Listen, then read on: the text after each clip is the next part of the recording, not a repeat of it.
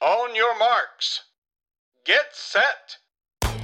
Välkommen till Maratonlabbet, en podcast om löpning med mig Johan Forsstedt och Erik Olofsson. I det här 138 avsnittet testar vi skor på Löplabbet för att ta reda på vilka som är bäst lämpade för höstens alla tävlingar.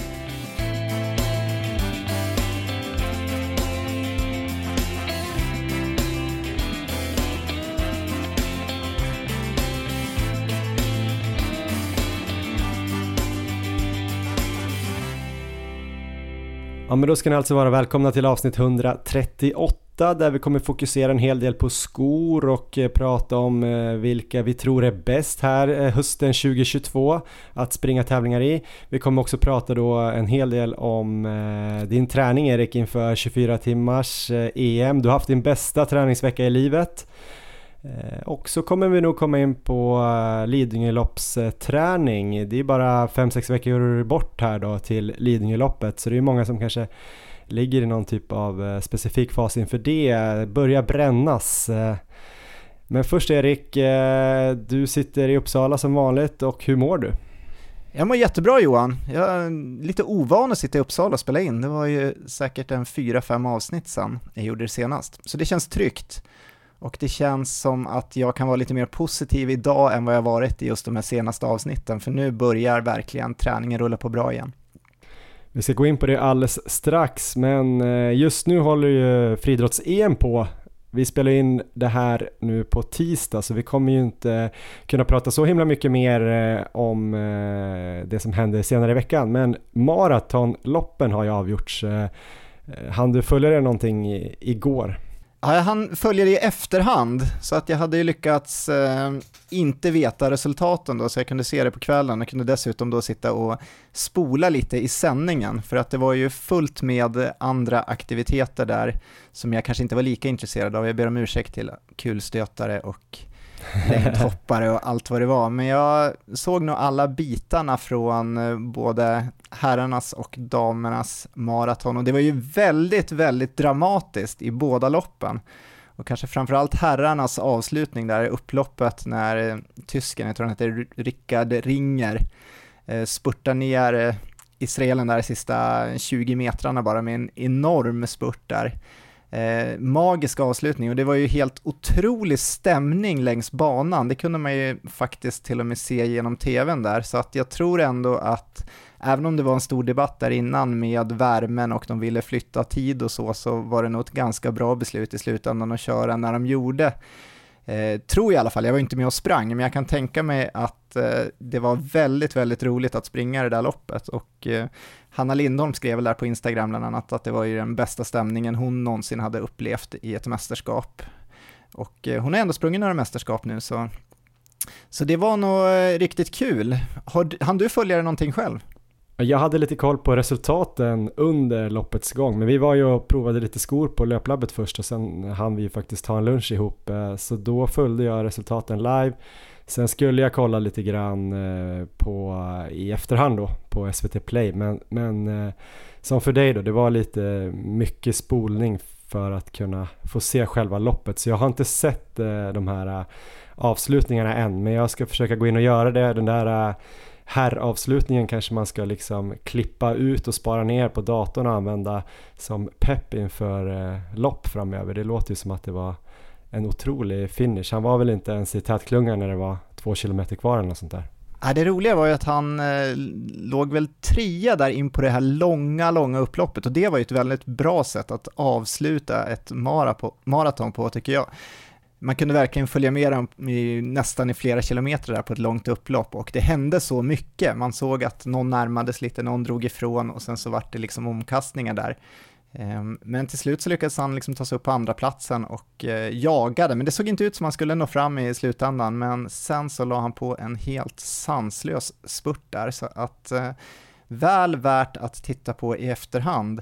Sen så är det lite tråkigt med de här mästerskapsmarerna måste man ändå säga, att man får inte följa eh, svenskarna någonting i princip. Man ser, kanske ser någon bild bara då och då. Den som fick mest Eh, uppmärksamhet var väl ändå eh, Samuel Segaida så länge han var kvar. Han var ju med som trea ett tag, men sen fick han ju problem med foten där och satt och tog av sig skorna där på sidan. Och då zoomade de ju in honom Sen så kom han väl tillbaka in på banan en stund men bröt där och det var väl Sveriges största hopp egentligen. Så eh, tyvärr så höll ju inte det. Men eh, ja, det var ju en, en eh, ändå ganska okej okay laginsats för svenskarna, i alla fall på här sidan och damerna eh, gjorde väl också bra ut efter förutsättningarna med värmen och så. Ja, det var inga kanontider kanske på damsidan men de kämpade på bra såklart. Jag läste att Camilla Elofsson hade fått kramp. Det har man ju känt av själv. Han hade inte fått den perfekta uppladdningen läste jag. Sanna har jag faktiskt inte hört riktigt om hur hon kände sig men 41 tror jag hon blev i EM är ju fantastiskt. Verkligen. Mäktigt att Camilla, jag måste bara nämna det, hon var ju med i vårt första avsnitt där 2018 och då hade hon ju 2017 sprungit precis då sub 3 på maraton på Stockholm Marathon och bara tränat ett eller två år löpning efter att ha fått två barn. Mäktigt att hon nu är i EM, så ni som lyssnar, ni vet ju hur det skulle kunna gå för er om ni bara tränar på lite. Och lyssnar på Maratonlabbet. Ja just det, det var ju ganska bra då för att eh, Camilla, Hanna och Sanna har ju varit med och även, jag tror det var väl de tre bästa svenskarna var väl Jonas Leandersson, eh, Linus Rosdahl och Archie Castile va?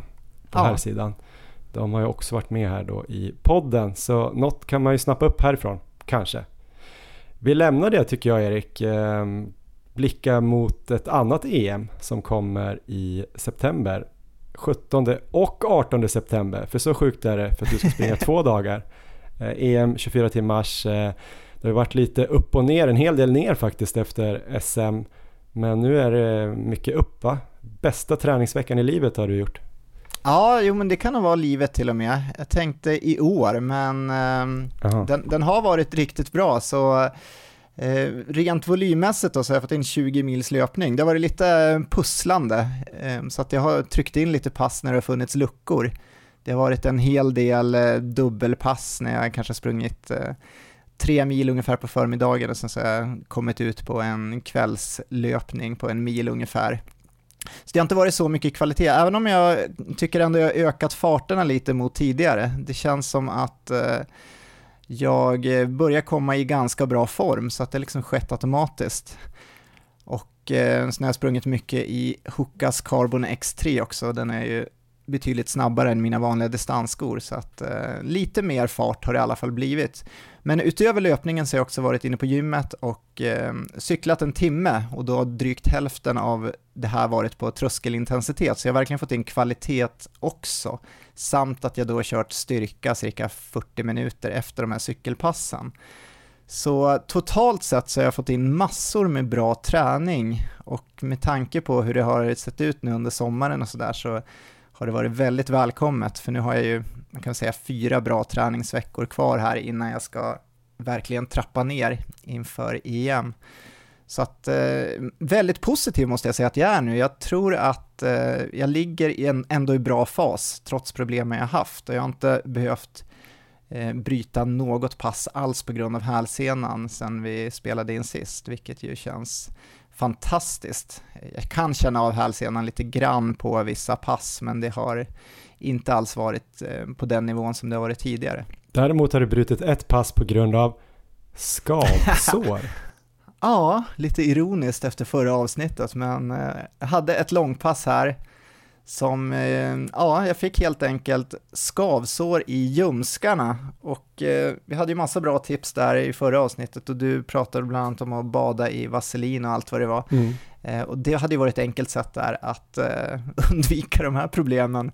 Ehm, så jag kände ju helt klart ironin där när jag sprang och hade så ont så att det blödde och ehm, jag fick ju helt enkelt fundera på det. Jag tänkte ett tag så här att äh, men det här är ändå bra mental träning. Nu plågar jag mig hem de här sista 15 kilometerna så får jag träna mentalt och sen så tog det väl 500 meter så tänkte jag att det här är bara helt idiotiskt. Jag kan inte hålla på så här. Eh, så att jag ringde faktiskt efter skjuts och ehm, blev hämtad då från det här passet, så det fick jag bryta. Men sen så tog jag igen det sen på kvällen där med insmorda ljumskar och eh, tog mig 15 kilometer då utan problem. Så det var bara vid ett tillfälle jag fick bryta passet och eh, ja, det har ju liksom aldrig hänt förut. Jag har aldrig haft de problemen tidigare så att det var lite överraskande att det plötsligt bara dök upp. Det ryktas ändå... ju om att du har kört så himla mycket styrka nu under våren och sommaren att du har fått så grova lår så att det är därför ljumskarna börjar liksom närma sig varandra då av den här ökade eh, muskelvolymen. Är jag sant? förstår. Ah, jag, tror, jag tror inte på den här teorin men eh, man vet aldrig. Men eh, bra ändå inför EM att jag fick de här problemen nu.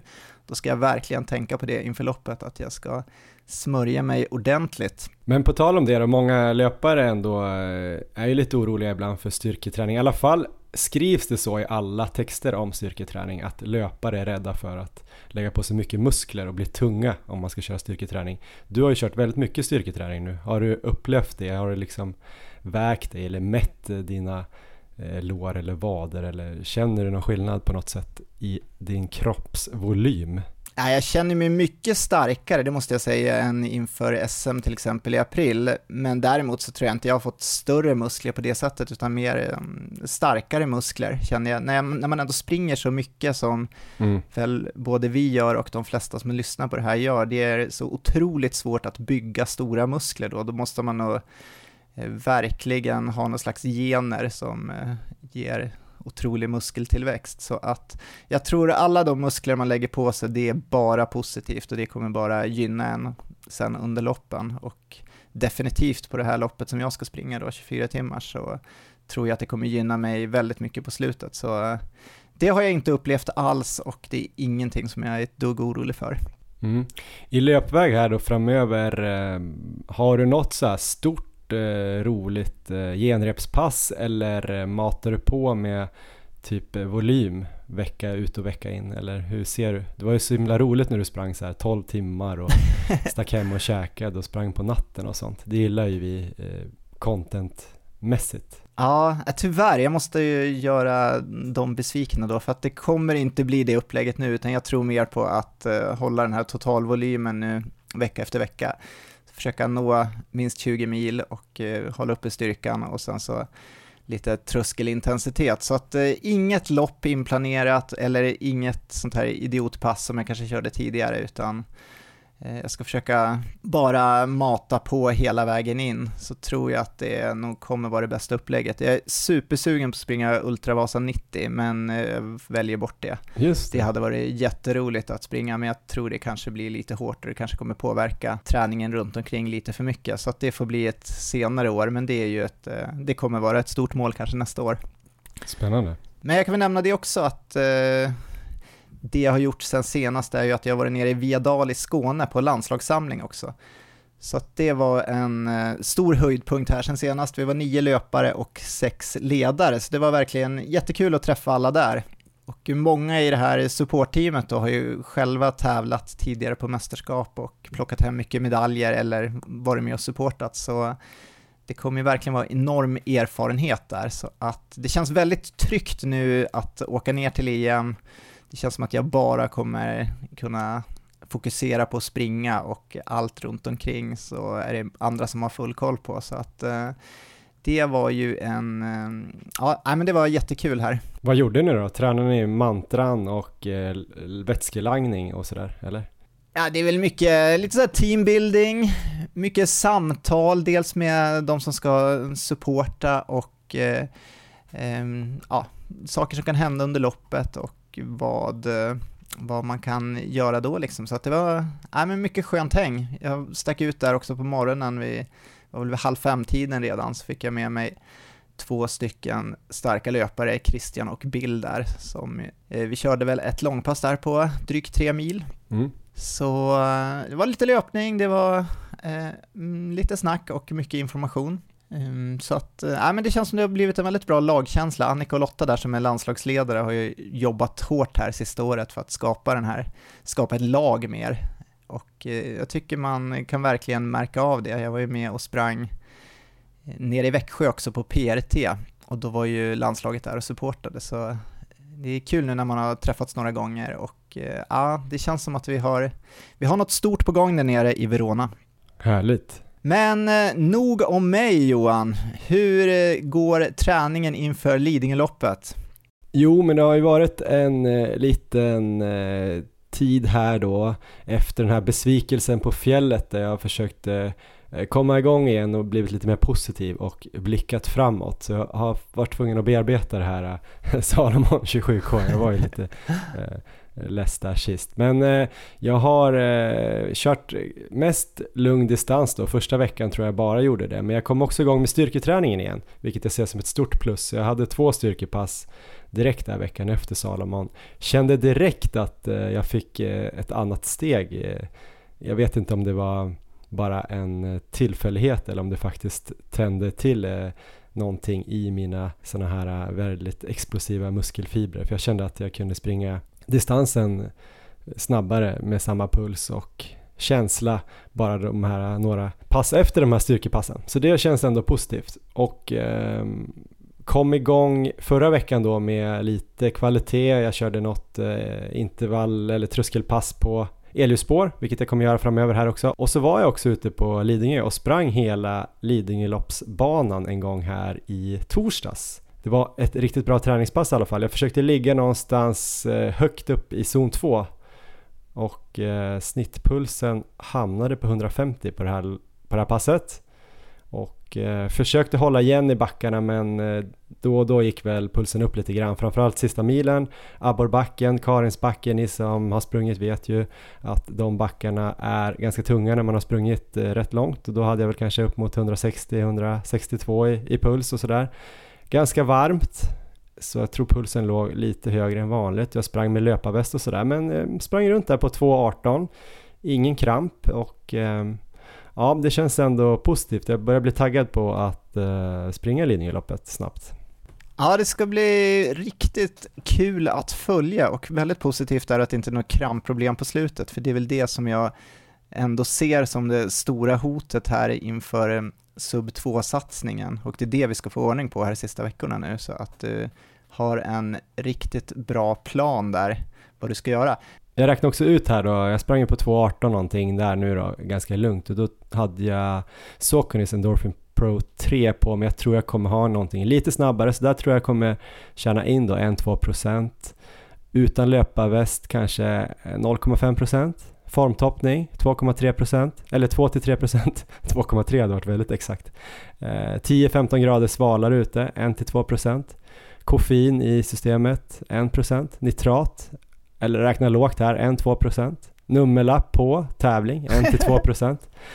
och så kanske jag kan springa med 8-10 pulsslag högre i snitt. Det vet man ju inte hur många procent det är, men det är nog någon procent. Så någonstans mellan 8 och 12,5 procent eh, kommer jag då tjäna plus den här då lite hårdare ansträngningen. Så säg 10-15% Då landar vi någonstans mellan eh, 1,59 och 2.06 på Lidingöloppet. ja, perfekt ju. Det är ju det är bara att göra det. Och vi hade ju en liten diskussion här när vi träffades igår om hur du ska träna framöver nu och jag tycker vi kom på en bra idé här vad du ska ha för genrepspass på Lidingö. Vill du berätta lite om det? Ja, men först kan jag bara säga då, planen fram mot Lidingö då, det är säkert många som tränar mot Lidingö och kanske funderar på vad ska man göra här sista fem veckorna tror jag det blir.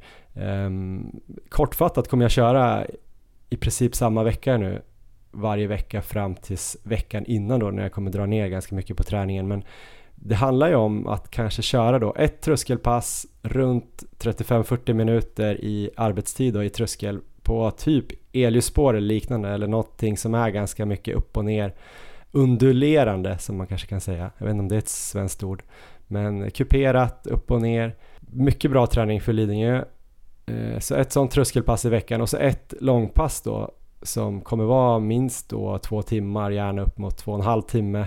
Där man då får springa lite längre kuperad terräng, det känner man ju att eh, man behöver. Det känner jag nu på Lidingö att man blir ändå rätt trött i benen även om man inte springer jättehårt.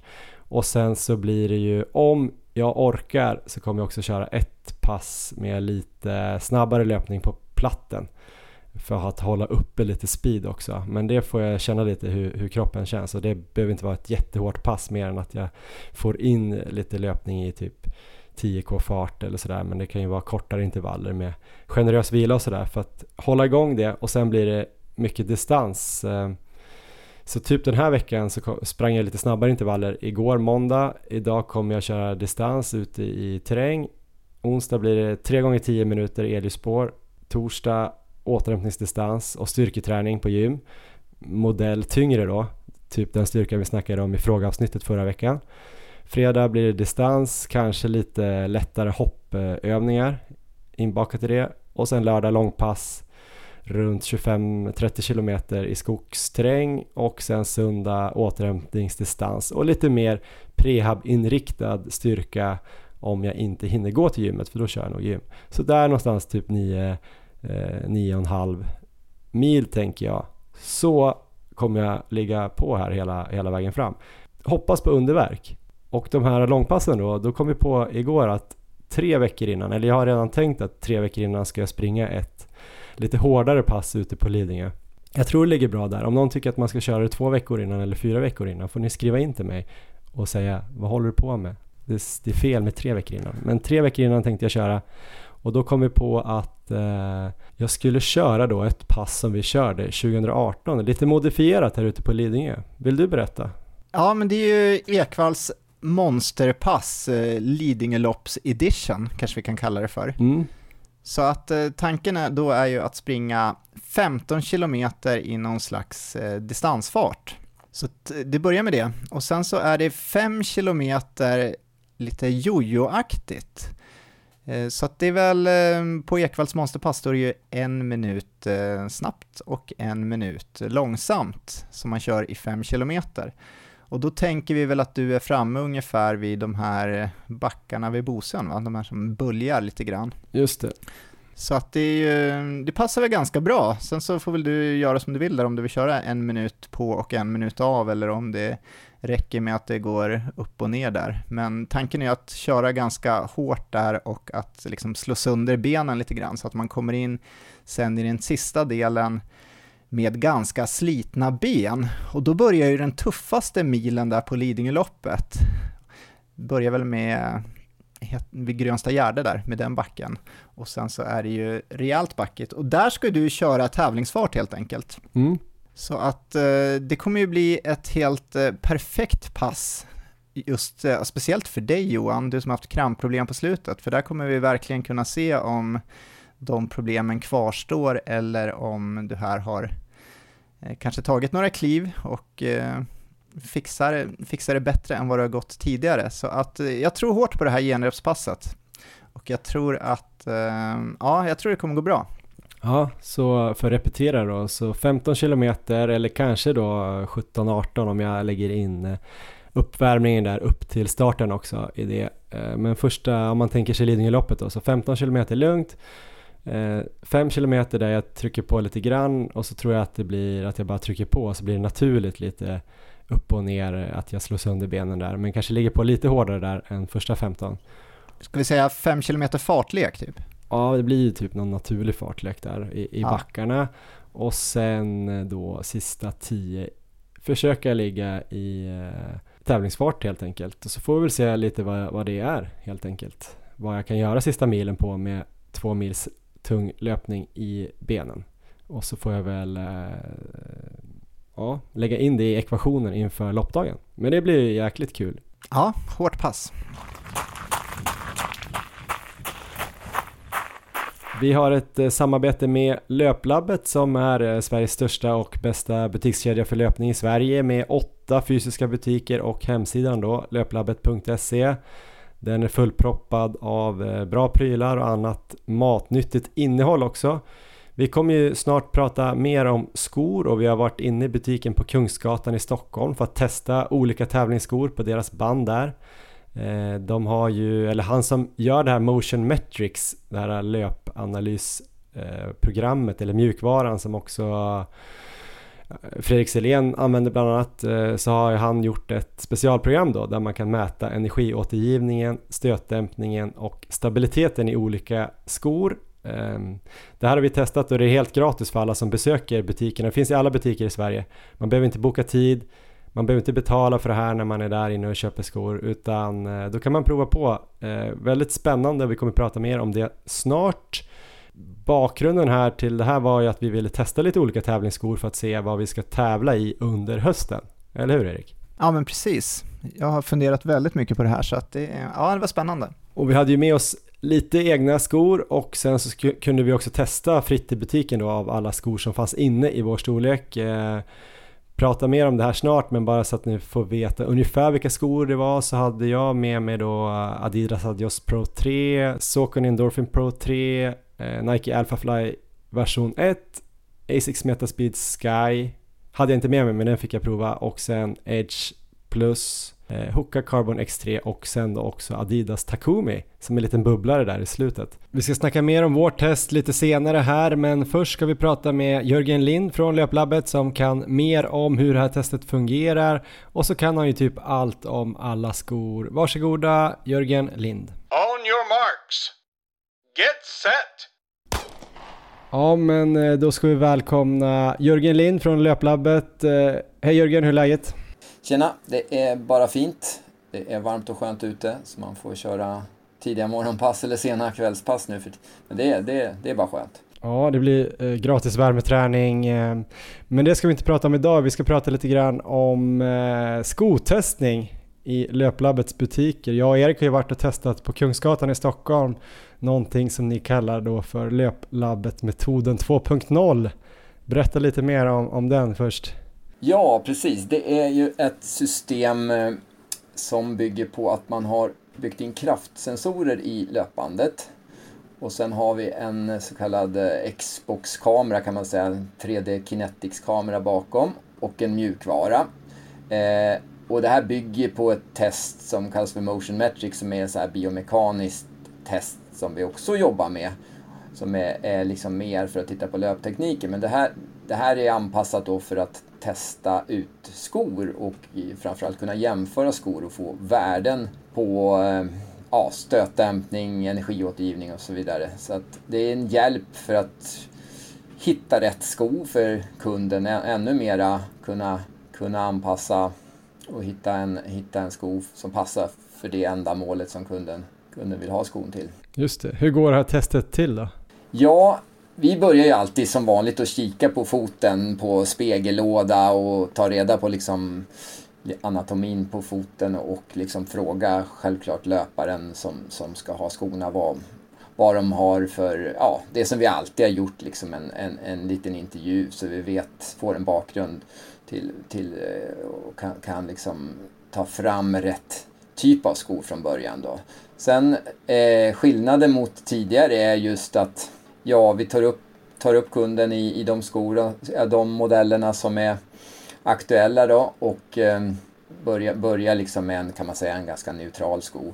Och, och sen springer man på bandet under 20 sekunder och eh, får upp direkt då värden på stötdämpning i siffror, skala 1 till 10 och även energiåtergivning. Och eh, ja, något som vi har döpt till stabilitet som är mer allmänt egentligen kanske mer hur bra man repeterar sitt steg då.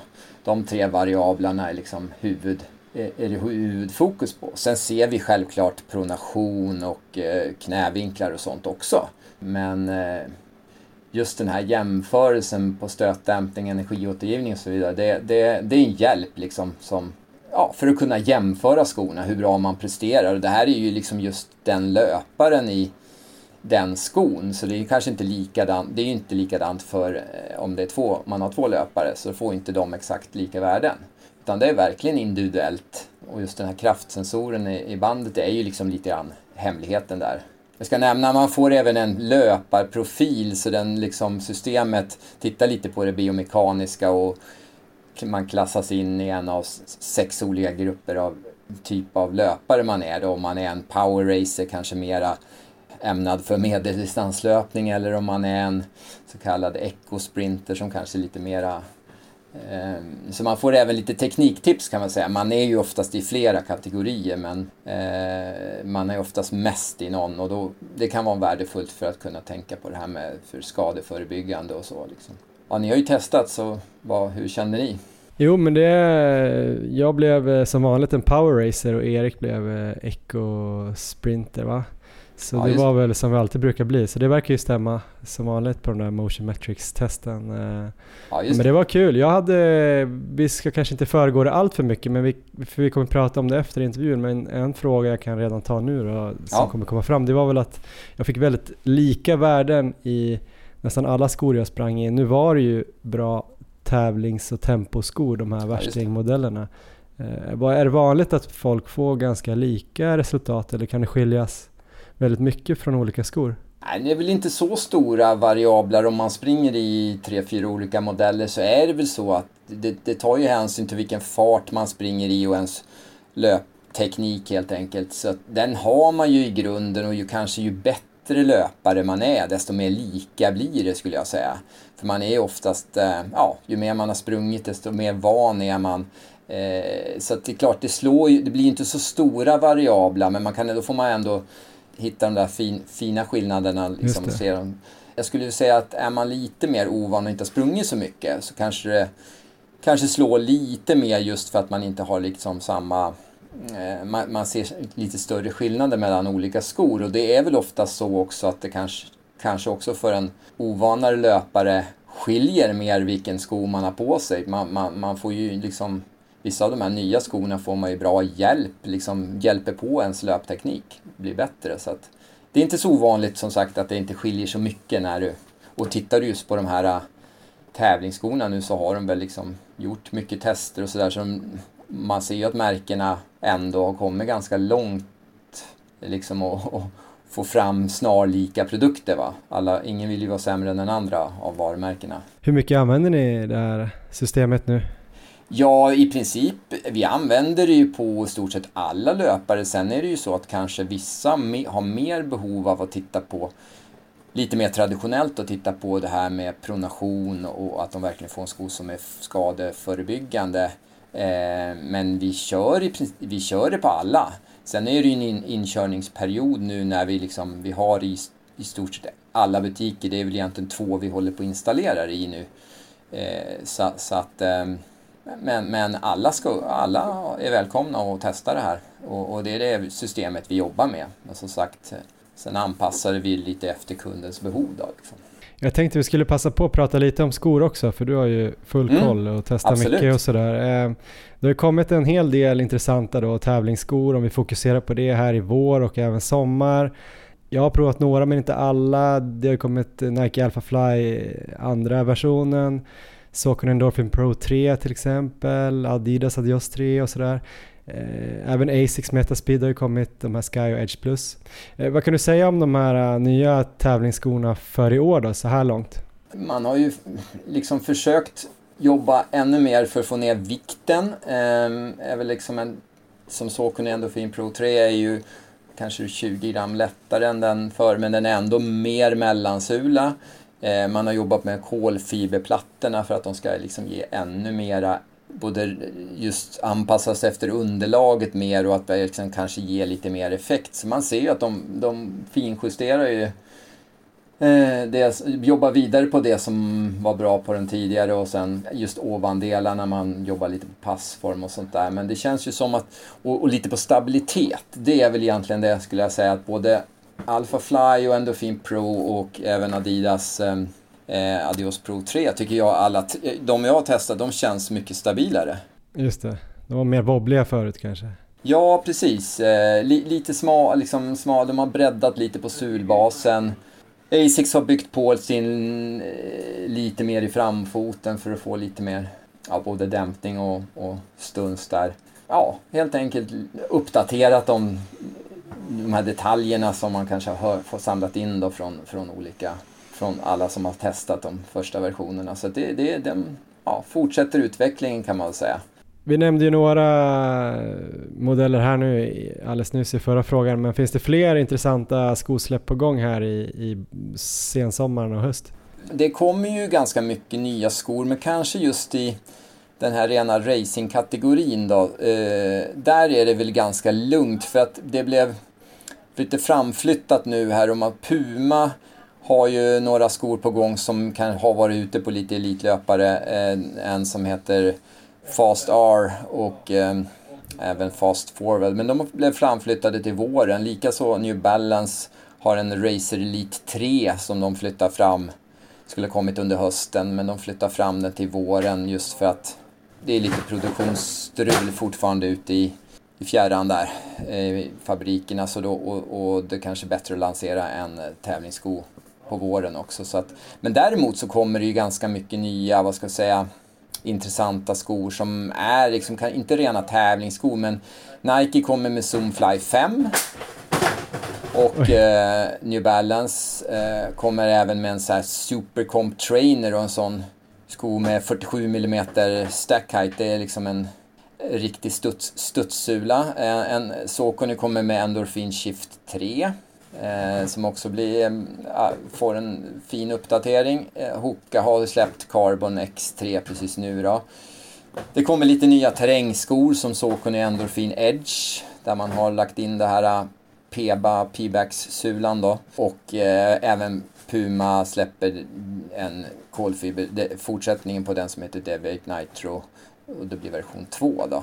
Så det kommer ju mycket nytt här under hösten. Nu rapade jag upp många modeller här, blev kanske... Nej men lyssnarna är intresserade så det blir bra. Men eh, jag tänkte på det, du var inne på det lite grann där i, i ett svar tidigare men när Vaporfly först kom ut var de ju, ja man måste ju säga att de var överlägsna konkurrenternas ja. tävlingsskor men och det tog ett tag innan de andra kom ikapp. Eh, nu då, är skorna betydligt jämnare? Kan man välja liksom vilken som helst som passar en själv eller är det fortfarande några modeller, tycker du, som sticker ut om man ska springa fort på en halvmara eller mara eller 10 kilometer? Ja, men det, må, det är många märken som jag tycker ändå man kan säga har kommit ifatt Nike lite där. Eh, för de har ju fortfarande, fortfarande är de väldigt populära. Vaporfly är ju fortfarande väldigt populär. Men nu tycker jag ju att man ser att Eh, vi, vi, ser väl som Asics Metaspeed Sky Plus här och föregå, även föregångaren där är många som gillar. Adios Pro 2 och nu trean då och, och Saucony-skorna. Det är väl de som egentligen främst tar upp matchen med, med eh, Nikes Vaporfly där. Men tittar vi också, det ser vi ju bland annat också i den här testerna vi kan göra på bandet nu, att tar man upp en löpare i någon av dem och det kanske du också upplevde att det blir ju snarlika värden. Eh, så att det är väl det man hör att eh, många väljer, ja, provar och testar olika och ja, man hör lite olika. En del den sitter bättre på den löparen och den andra sitter, så det finns ju, det är ju bra läge för, för löparna för man kan ju verkligen välja och vraka nu kan man säga mot vad man kunde i början. Till sist då, ska du springa några lopp i, i höst och vilka skor väljer du själv då om du får, om du får säga det? Nu om jag får välja? Ja, men jag tänkte på det, om jag skulle springa en, eh, ett millopp så skulle jag ju kanske välja en lite tunnare sko som New Balance har ju en som heter Fuel Cell Supercomp Racer som är framtagen för liksom 5 och 10 km. Lite tunnare, mer traditionell. Jag har ju sprungit i många år så att jag är ju van vid de tunna tävlingsskorna. Jag tycker den känns, just att den är lite närmare mark, det är lite lägre stack height och men den har ju ändå det här studsiga sulan och kolfiberplatta och det känns som man får ett bra driv. Så jag skulle ju kanske välja den på, en, på ett millopp. På en halvmara skulle jag nog kanske själv personligen välja Vaporfly. Mm. Den tycker jag är väldigt, väldigt skön. Tittar man på maran då kanske just Saucony Endorphin Pro 3 tycker jag känns väldigt matig dämpning. Eller eh, Asics eh, Meta, eller den här Metaspeed Sky Plus då. På Lidingöloppet, där skulle jag nog kanske... Där är det svårt om man ska välja en terrängsko eller en asfaltsko liksom. Jag skulle ju kanske snegla lite... Eh, det är ju inte... Det är ju ett grusunderlag så det är klart att det fungerar med eh, många av de här race men de... Det smäller ju lite under och det är liksom kolfiberplattan och grus och sådär. Så att jag skulle kanske titta på en sån sko som Hoka Tecton X. Den nya Eh, de skorna, ganska en lätt sko med, med ändå mycket matig sula så det är skönt i nedförsbackarna och sen har man lagt i en kolfiberplatta som är lite mer flexibel då. Eh, två, liksom två parallella plattor som, som, eh, så att det blir liksom mer svikt i den. Eller kanske typ North Face, den här Flight Vective. Den typen av skor tror jag fungerar väldigt bra på, också på Lidingöloppet. Mm. Men jag tror Vaporfly funkar bra där också. Om man inte är rädd om skorna då, för mycket, ja, för mycket grus i, i, i sulan. Ja. Det är nog en smaksak vad man är van att springa mest i också. Ja, men suveränt Jörgen. Ja, Det var det vi hade den här gången. Då ser vi fram emot intressanta skosläpp här i, i höst Ja. helt enkelt. Tack så jättemycket. ja tack. Ja, men nu tänkte vi prata lite om vårt test då, om vi lärde oss någonting, eh, vad vi lärde oss i sådana fall. Erik, blev du något klokare inför eh, EM i Verona här? Vad kommer du springa med? Vågar du säga det förresten? Men det tycker jag ändå att jag blev Johan och det kommer jag absolut säga här. Så eh, jag kanske inte helt kan eh, spika det än så länge, men jag har fått en ganska bra idé. Till att börja med så, alla skor jag provade var ju ändå hyfsat jämna, så att det märks ju ändå att eh, Ehm, det här försprånget som kanske Nike hade förut, jag tycker ändå det har blivit mindre och eh, eh, det är väl till och med kanske några av märkena som är uppe och hotar nu. De eh, fyra skor som jag sprang i var i alla fall Adidas Adios Pro 3, det var Nike Vaporfly Next Percent 2, det var Asics Metaspeed Sky 2 och det var Saucony Endorphin Pro 3. Och om man då går in på testresultaten så den sko som plockades fram som snabbast, det var ju Metaspeed Sky. Och den hade ju högst eh, energiåtergivning. Bäst stötdämpande var Vaporfly.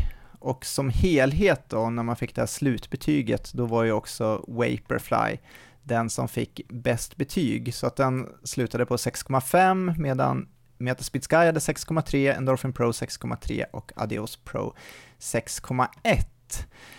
Så eh, jag sprang ju då på SM i 18 timmar där med eh, Adios Pro 2, till och med 20 timmar var det faktiskt, och sen så bytte jag till Vaporfly Next Percent 2 de sista fyra timmarna.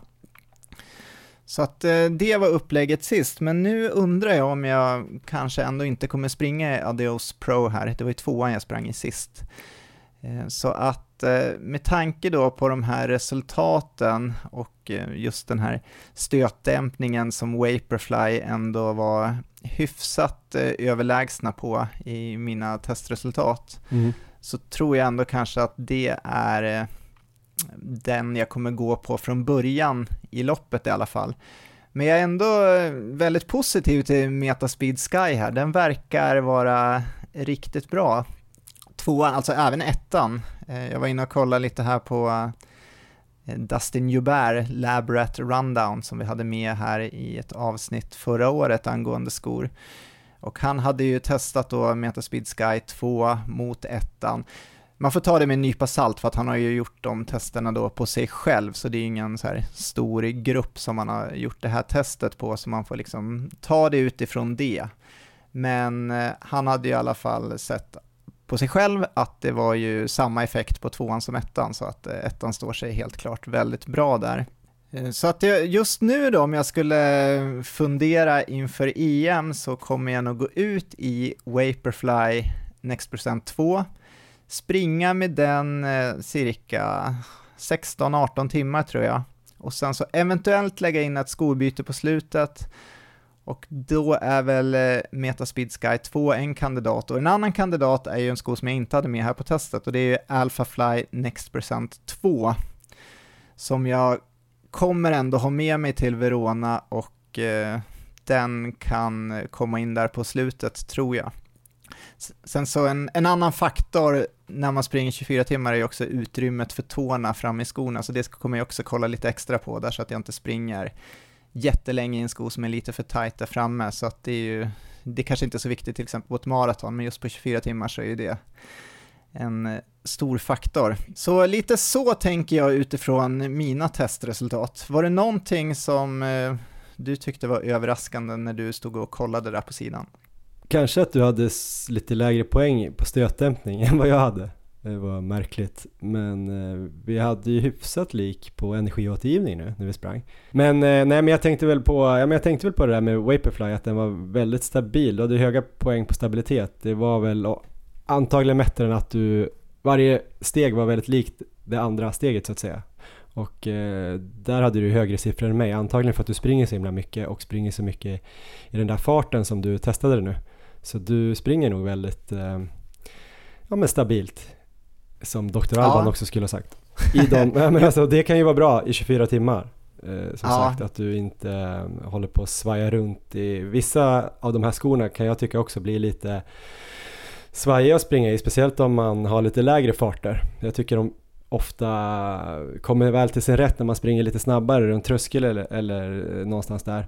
Till exempel Adiosen har jag ju testat att springa lite långsammare distans med någon gång, Adios Pro, och då, den tycker jag är väldigt eh, svajig då, men när man trycker på lite så blir det lättare att hålla, hålla ordning på steget så att säga. Men du springer ju inte då, no offense, supersnabbt då på 24 timmar så, så då, jag tror väldigt mycket på Vaporfly för den är ganska skön. Den, det är en sån där sko som jag typ skulle kunna springa distans i om jag hade jättemånga par.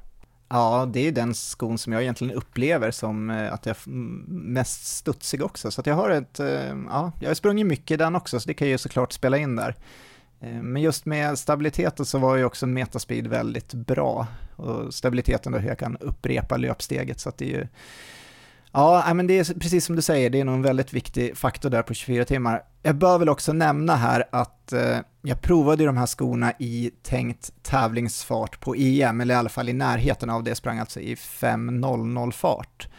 Så eh, du sprang ju betydligt snabbare farter i ditt test. Ska vi gå över lite på vilka resultat du fick från ditt test Johan? Ja, men jag fick en del intressanta resultat. Det, mest intressanta kanske och Eh, på ett sätt eh, lite nedslående, vad vet jag, det var väl att jag fick väldigt lika eh, resultat i väldigt många av de här skorna. Man kunde få någon sån här helhetsbetyg och då hade jag 7,4 på, tror jag, fyra av de här sex eller sju skorna jag testade. Och jag hade typ 7,3 på en, 7,2 på en. Och så de här Adidas Takumi hade jag 7,0.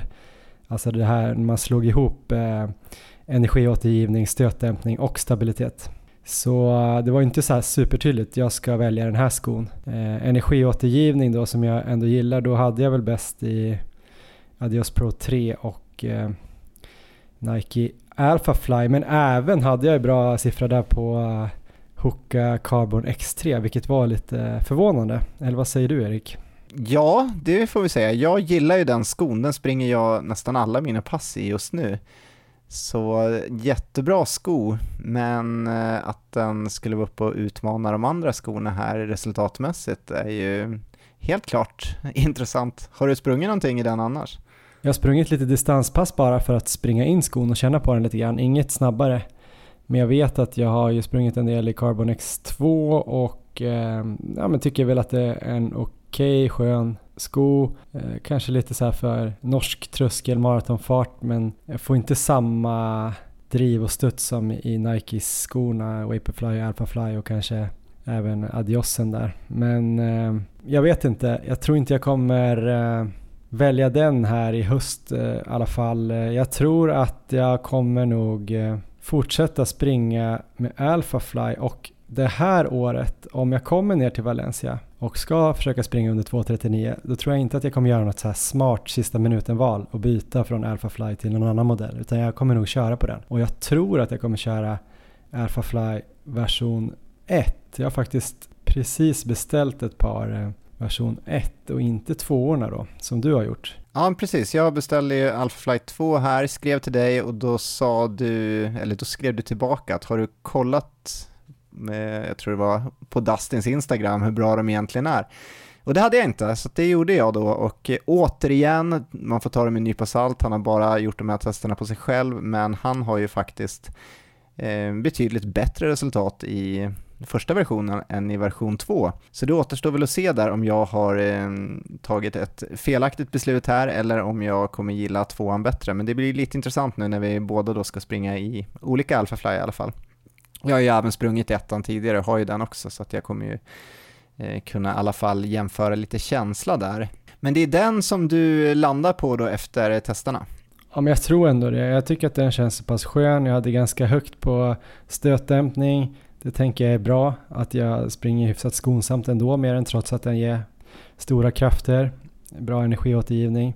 Helt okej okay stabilitet och det tror jag kommer bli ännu bättre ju mer jag eh, springer i den. Att jag liksom lär mig springa bra i den. Jag har inte sprungit så extremt många mil i Alphafly för jag har ju mest använt den till lopp. Men jag tänker om man kan träna i de paren som jag har redan nu inför då Valencia så kommer jag kanske kunna bli ännu mer effektiv i den skon. Eh, nu sitter jag och teoretiserar här lite på, på uppstuds men, men så kan det nog bli. Sen kommer jag ju eh, testa Asics Metaspeed Sky lite mer också. Den har jag inte men jag ska få hem den och prova då ett par från Asics. Så den tror jag kommer vara en utmanare till att kanske springa på Lidingöloppet faktiskt. Den Ah, eller okej. Vaporfly möjligtvis. För de tycker jag känns studsiga och väldigt lätta men inte kanske lika stora skepp som Alphafly. Alphafly tror jag kommer, skulle bli lite väl stor och lite klumpig och hög och instabil på Lidingöloppet. Men jag tror absolut man ska springa med någon av de här bästa skorna även på Lidingöloppet. Inte välja någon terrängsko eller liknande. Ja, jag håller med dig och jag tror att just stabilitet kan bli extra viktigt på Lidingöloppet. Det har jag kanske lite grann själv känt när jag har sprungit eh, Lidingöloppet i Vaporfly. Jag har nästan så här trampat snett och stukat foten vid något tillfälle, så att jag skulle nog gärna gå på den som kändes mest stabil där. Och där hade jag faktiskt bra i Metaspeed Sky på det här testet. Jag tror nästan jag hade bland de högsta siffrorna där, eller högsta faktiskt, Ja, jag med på faktiskt. stabilitet. Mm. Eh, Men den känns som en så här ganska normal skön sko men väldigt lätt och studsig. Så det är kanske därför man springer bra i den också. Den är ju inte sådär, det är ingen månsko riktigt. Har du nämnt Johan vilken fart du gjorde ditt test i? Nej, jag gjorde den i 3.52 fart tror jag det var, 16 km i timmen. Och eh, ja, jag vet inte, vi tog det bara för att det var en jämn siffra. Det skulle vara någonting som var lite närmare tröskel tyckte vi. Men eh, sen kände jag inte riktigt för att springa tröskel. Jag var ganska eh, sliten och ouppvärmd. Så att det blev någon typ av, ja nästan marafart då. Om jag nu ska hålla 3.48 fart i Valencia. Så att eh, på så sätt var det ganska spännande test att se. Eh, vi får väl se. Jag tror ju att eh, någon av de snabbaste skorna är då Vaporfly, Alphafly, Metaspeed Sky eller kanske Edge och Adidas Adios Pro 3. Dels utifrån hur jag själv känner och dels när man kollar på stora maror nu i mästerskap, både VM och EM och kanske andra stora stadsmaror så känns det väl ändå som att det är de skorna som är helt klart överrepresenterade på de bästa löparnas fötter och även de som kom etta, tvåa, trea. Rätta mig om jag har fel. Ja, men jag håller med dig Johan. Det man kanske kan se nu sista året här är väl att det känns som det blir lite jämnare. Även om både du och jag kanske här landar på Nike-skor i slutändan så känns det som att de andra är uppe på samma nivå nästan nu. Om man ser på eh, stora maror. Ja, och det är väl eh, bra ändå att det blir mer jämnt mellan olika skor från olika skofabrikanter. Det var också bra och kul att få göra det här testet eh, på löplabbet. Eh, vi snackade också där lite grann om att det kanske skulle vara ännu mer intressant att testa olika distansskor för eh, känslan är att det är ännu större skillnader mellan olika distansskor, bra och dåliga och också olika beroende på vad man vill ha dem till. Om man vill ha lite extra stötdämpande skor kanske på återhämtningsrundor så kanske man kan få tydligare skillnader mellan skorna. Och eh, ja, men gå in till någon av eh, Löplabbets butiker om ni vill göra det här. Som sagt eh, helt gratis och man behöver inte boka i förväg. Ja, till sist då Erik, vi brukar blicka framåt lite här i slutet av avsnitten. Nu börjar det brännas för dig. Vad händer här de närmsta två veckorna? Ja men det gör det Johan, det känns väldigt inspirerande nu att det verkligen börjar komma nära och det blir ju hårda träningsveckor de två närmaste. Eh, fokus på att få upp eh, löpvolymen på ungefär samma nivå så jag hoppas få in cirka 20 mil här de här veckorna. Kanske lite kvalitet men inte fokus på det utan fokus är på att hålla uppe volymen. Det är det som jag ser som, vad ska man säga, grunden sen på loppet som ska göra att jag ska kunna springa länge helt enkelt. Men så kommer jag behålla kvaliteten här med mina tröskelpass på cykel och eh, få upp pulsen där, för jag har ändå någon vision sen på loppet att jag ska kunna avsluta riktigt starkt och då känns det ändå som att jag vill vara uppe och jobba i den pulszonen ganska mycket. Sen så styrketräningen fortsätter jag också med här, jag tror det också kommer bli en viktig faktor på slutet där att benen inte är helt sönderslagna utan att de ändå är starka och kommer hjälpa mig sista biten. Så att eh, Lite så kommer det se ut. Jag kommer hålla lite på att dra igång värmeträningen ordentligt. Eh, man får ju mycket gratis nu då. Det har ju varit eh, otroligt varmt i Uppsala här sista veckan och det ser ut att fortsätta även den här veckan. Så att eh, värmeträningen kommer ju helt automatiskt här på löppassen. Men de sista två veckorna så kommer jag ju verkligen se till att eh, försöka akklimatisera mig så bra jag kan inför loppet, för på loppet så kommer det med all sannolikhet bli riktigt varmt och eh, just de här sista två veckorna då ska man ju kunna få riktigt bra effekt om man kör ett lugnt pass då på cykel eller springer eh, cirka en timme. Och där har det ju visat sig också, vi pratade lite om det här för två avsnitt sedan och jag har ju studerat lite mer i ämnet. Och man kan ju få samma effekt då på att eh, klä på sig rejält och cykla till exempel som man kan om man sätter cykeln i bastun och eh, cyklar där så ska det vara motsvarande. Så att jag är väl inne på att helt enkelt klä på mig bra där sista två veckorna. Sen får vi se om det blir utomhus eller inomhus och sen så mm, lugna pass bara en timme. Sen kommer jag ha lite annan träning runt det såklart, men eh, det är ju planen rent värmemässigt. Jag kommer inte köra någon bastu eller något sånt där, där man inte då är fysiskt aktiv, för det ska egentligen inte ge någon effekt alls här, utan väldigt viktigt att man är fysiskt aktiv när man genomför den här värmeträningen. Så så ser min plan ut, vad tror du om det? Tycker det låter bra. Det enda som eh, var, vi pratade lite om det här innan vi spelade in just det här med värmeträningen. Eh, jag vet att han, Bent Runnestad i vår intervju snackade om fem veckor, att man behövde det eller att det var optimalt. Fem gånger i veckan, 50 minuter. Men det låter ju skönare såklart att göra två veckor och bara sex pass gånger en timme eller vad det var. Så ja. kör på det, du kommer bli galen om du ska göra fem veckor. Ja det tror jag också. Du är ju redan galen i och för sig. ja och två veckor ska man få riktigt bra effekt på så jag tror det bara för att uh, må bra och kunna genomföra, genomföra all annan träning på en bra nivå så tror jag definitivt att uh, det är rätt upplägg. Jag tycker också att du ska lägga in eh, Ultravasa 90 för det hade varit kul. Ja, det hade varit jätteroligt, men jag vågar inte. Jag, svår, jag tror jag har svårt att springa den lugnt och att eh, dunka av hela den nu i bra fart efter att knappt ha kört någon kvalitet på slutet. Det, det tror jag inte är rätt upplägg det här året tyvärr, men eh, jag, jag förstår dig. Fjällmaraton i Sälen då? 3 ehm, september. Den eh, ska jag följa på nätet. Det ska bli spännande också. Själv då Johan, du ska inte heller till Sälen hoppas jag. Vad ska du ha för dig? Nej, jag försöker hålla mig från fjällen men jag har ett sug till fjällen och eh, dels att få springa där men också för att få någon sorts revansch. Men jag, eh, nej, det kommer nog inte bli av. Jag, ska, jag har dig liksom i bakhuvudet, eller jag har dig som på ena axeln ah. som sitter och säger när jag blir sugen på att boka in eh, det loppet så hör jag dig säga så här, nej gör inte det. Så än så länge har du dina ord vägt tyngst helt enkelt. Plus att Elmer förlorar den helgen så det känns trist att dra iväg. Aha. Eh, kanske främst det. Eh, nej men jag eh, drog ju min vecka där lite grann i eh, början av eh, avsnittet och jag kommer köra så helt enkelt framöver. Eh, jag kommer inte springa sommarspelen eh, 5000 meter här, studenternas lopp eh, nu på tisdag blir det va, 23. Jag hade ju tänkt det men jag var lite, lite så här tappat sugen kanske men också framförallt har jag insett att eh, jag måste träna riktigt, riktigt bra för att vara nära att springa sub 2 på Lidingö. Och eh, jag känner inte riktigt att jag har, eh, det kanske jag har men alltså just nu känner jag liksom att jag inte riktigt har råd att eh, toppa upp mig för det och sen bli ganska sliten efter det loppet och sådär. Så jag kommer nog välja att springa lite mer backigt istället. Så äh, men vi får se om det blir något lopp. Eventuellt blir det något här i helgen. En liten hemlis. Äh, som ett långpass. Jag ska försöka hålla mig lugn.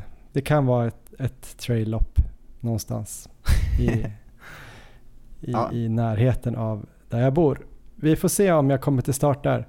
Det skulle vara kul. I sådana fall blir det som ett eh, bra träningspass. Kanske eller hårt. Vi får se. I så fall kommer det dyka upp på Strava i alla fall. Det kommer inte vara så hemlighetsfull att du inte loggar det passet va? Så då kan man hitta det där på Johan Forsstedt på Strava. Absolut, och eh, kanske om det går bra då även om jag ska försöka tänka att det är träning så kommer jag också lägga upp det på Instagram. Går det dåligt brukar jag också faktiskt vara ganska duktig och lägga upp det på Instagram och vara lite självkritisk och bitter. Kanske är lite hård mot mig själv men det är väl kul att få se både med och motgång. Det blir mycket medgång för dig tänker jag. Så det är kul Ja. att få se mina motgångar. Det har varit mycket motgång för mig med, så det, jag tror vi har bjudit på båda delarna. Så att, eh, ja, vi får följa dig där. Man kan också följa min träning där på Strava. Erik Olofsson heter jag där. Och sen kan jag väl bara säga, jag tror att det blir Lidingöloppet, ett millopp någon gång i mitten av oktober och sen Valencia för mig. Jag har ju varit eh, lite fram och tillbaks här i alla avsnitt. Och Och Valencia, det här kommer säkert kunna ändras igen. Nej, men det blir Valencia Marathon va? Det Just har jag väl ändå ja, sagt. Om jag orkar hålla på och springa så länge. Jag börjar bli gammal också. det orkar du. Ja men grymt Erik. Eh, tack för det här avsnittet så hörs vi framöver om två veckor. Ett nytt fantastiskt avsnitt blir det då. Ja, det kommer bli till och med ännu bättre, så eh, kör hårt fram till dess.